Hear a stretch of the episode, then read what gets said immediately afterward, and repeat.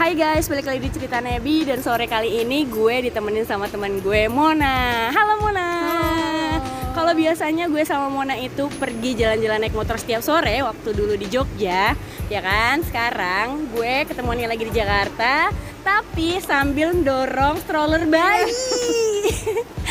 ya, beda banget masanya ya Mon. Dulu kita masih pada single dan sekarang Mona sendiri spesifik sudah berkeluarga dan sudah punya baby tentunya. Nah kalau gue kan masih single nih cuy.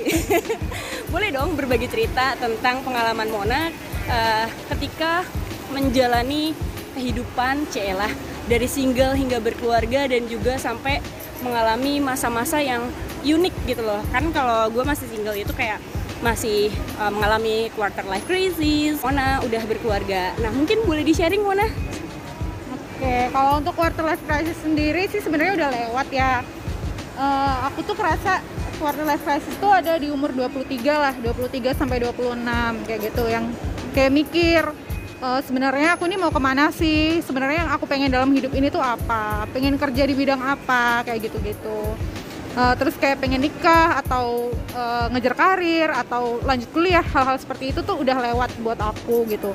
Meskipun bukan berarti sekarang nggak mikirin ke depannya ya aku mikirin juga cuman nggak se nggak segala waktu itu gitu. Nah sekarang setelah nikah nih tantangannya beda lagi. Uh, waktu awal-awal punya anak sih kerasanya bener-bener life changing banget buat aku. Wow. karena um, prioritas berubah jelas ya. Prioritasku adalah uh, gimana nih bisa ngasih yang terbaik buat anak kayak gitu. Yep. ada tuh dilema-dilema uh, apakah aku pengen jadi full mother? Maksudnya sorry bukan full mother maksudnya tuh kayak full time mother yang bener-bener aku di rumah jadi ibu rumah tangga atau aku ingin berkarir kayak gitu. Itu sih dilema yang aku rasain banget karena punya anak itu ternyata tanggung jawabnya bener-bener gede banget ya kan? Terus um, ada PR-nya juga sih kalau misalnya mau berkarir itu kayak gimana ngatur waktunya terus kayak gimana sih biar anak itu tetap nggak kehilangan sosok ibu dan lain sebagainya. Kayak gitu. Itu tantangan yang menurut aku paling berat sih buat aku. Selain juga habit pasti berubah ya. E, kalau dulu bisa rebahan kapan aja kalau misalnya punya anak nggak bisa kayak gitu. Bener-bener anak nangis nih benar-benar harus kita handle kayak gitu. Misalnya anak butuh susu kita harus handle juga. Pokoknya ada sosok yang benar-benar dependen banget ke kita yang itu jadi prioritas sih. Bagaimana cara mengatur waktu ketika Ona kan masih wanita karir juga nih ya hmm.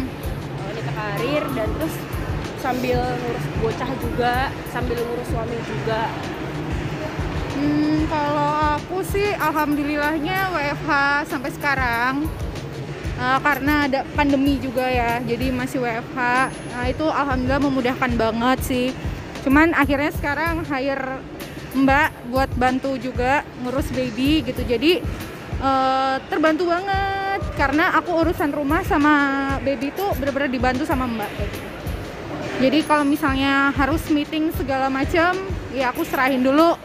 Kalau misalnya pas papanya WFH ya diserahin ke papanya dulu kalau misalnya enggak ya dipegang sama mbak dulu. Oke. Okay. oke okay, baby blues itu apa sih mbak Wana katanya kamu pernah ngalamin baby blues ya? Sebenarnya tuh um, aku nggak ngerti sih definisi secara benernya tuh apa gitu. Cuman uh, sepenangkapan aku tuh baby blues itu adalah sindrom yang diawali dialami oleh ibu-ibu yang baru aja melahirkan. Jadi ada kaitannya sama hormon whatever lah, aku nggak ngerti yang bikin ibu itu jadi lebih sensitif, emosional kayak gitu.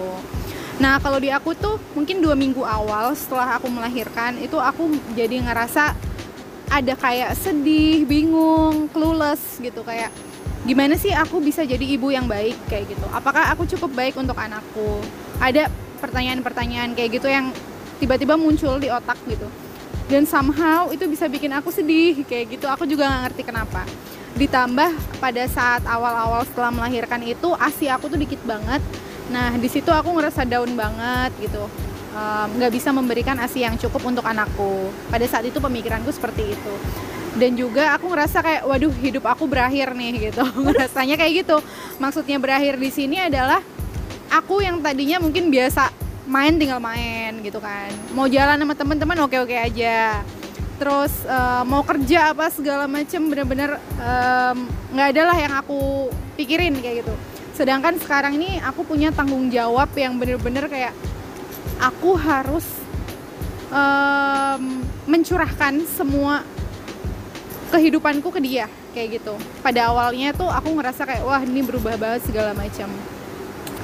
Cuman eh, ternyata makin ke sini perasaan itu tuh hilang gitu. Perasaan itu hilang sendiri tergantikan dengan rasa bahagia. Aku juga nggak ngerti kenapa kayak gitu. Serandom itu. Wow. serandom itu perasaannya tuh bener-bener kayak roller coaster banget. Makin ke sini makinnya kayak malah jadi jelas tujuan hidupku tuh apa kayak gitu oke prioritas aku sekarang adalah gimana caranya aku bisa provide anakku eh, yang terbaik kayak gitu. Misalnya prioritasku aku ngerti apa Eh, aku juga jadi makin bisa ngatur waktu jadi lebih bisa eh, anger management lah gitu. Lebih bisa mengatur eh, emosiku segala macam dan ternyata perasaan-perasaan yang awalnya muncul pada saat baby blues itu bisa hilang kayak gitu sebenarnya nggak hilang dengan sendirinya karena aku sendiri juga nggak eh, nggak capek ya untuk mensugesti diri sendiri afirmasi positif. Intinya adalah positif mental attitude. Dan yang pasti itu butuh support juga dari orang-orang terdekat terutama dari pasangan kita dari suami yang benar-benar support ngedukung. Nah itu benar-benar ngebantu banget sehingga aku bisa keluar tuh dari baby blues ini kayak gitu. Oh, menarik sekali ya Mbak Mona ya ceritanya. Berarti di masa-masa orang-orang seumuran kita yang udah uh, punya pengalaman kayak Mbak Mona itu tadi juga termasuk ada tipsnya ya. Iya benar. Ada langsung solusinya ya ibu. solusinya juga. Meskipun solusinya itu belum tentu sama untuk masing-masing orang. Betul, betul, betul Mungkin banget. kebutuhan aku beda sama kebutuhan si A atau si B itu tergantung ya dia butuhnya apa kayak gitu. Lebih disesuaikan aja kali ya Bun. Betul banget bun. Waduh. Terus ada lagi gak sih pengalaman-pengalaman lain gitu?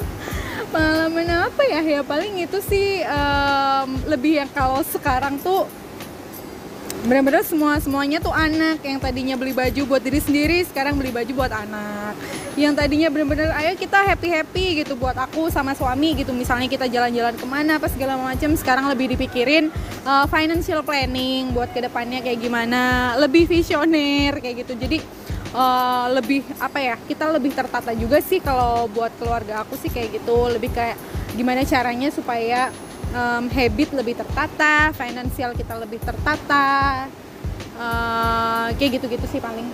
Waduh, oke oke Mbak Mona. Seneng banget nih bisa ngobrol sama Mbak Mona. oh iya dong pastinya. Oke lah kalau gitu. Itu aja udah cukup kok Mbak Ona Makasih banyak Iya, ya sama-sama. waktunya.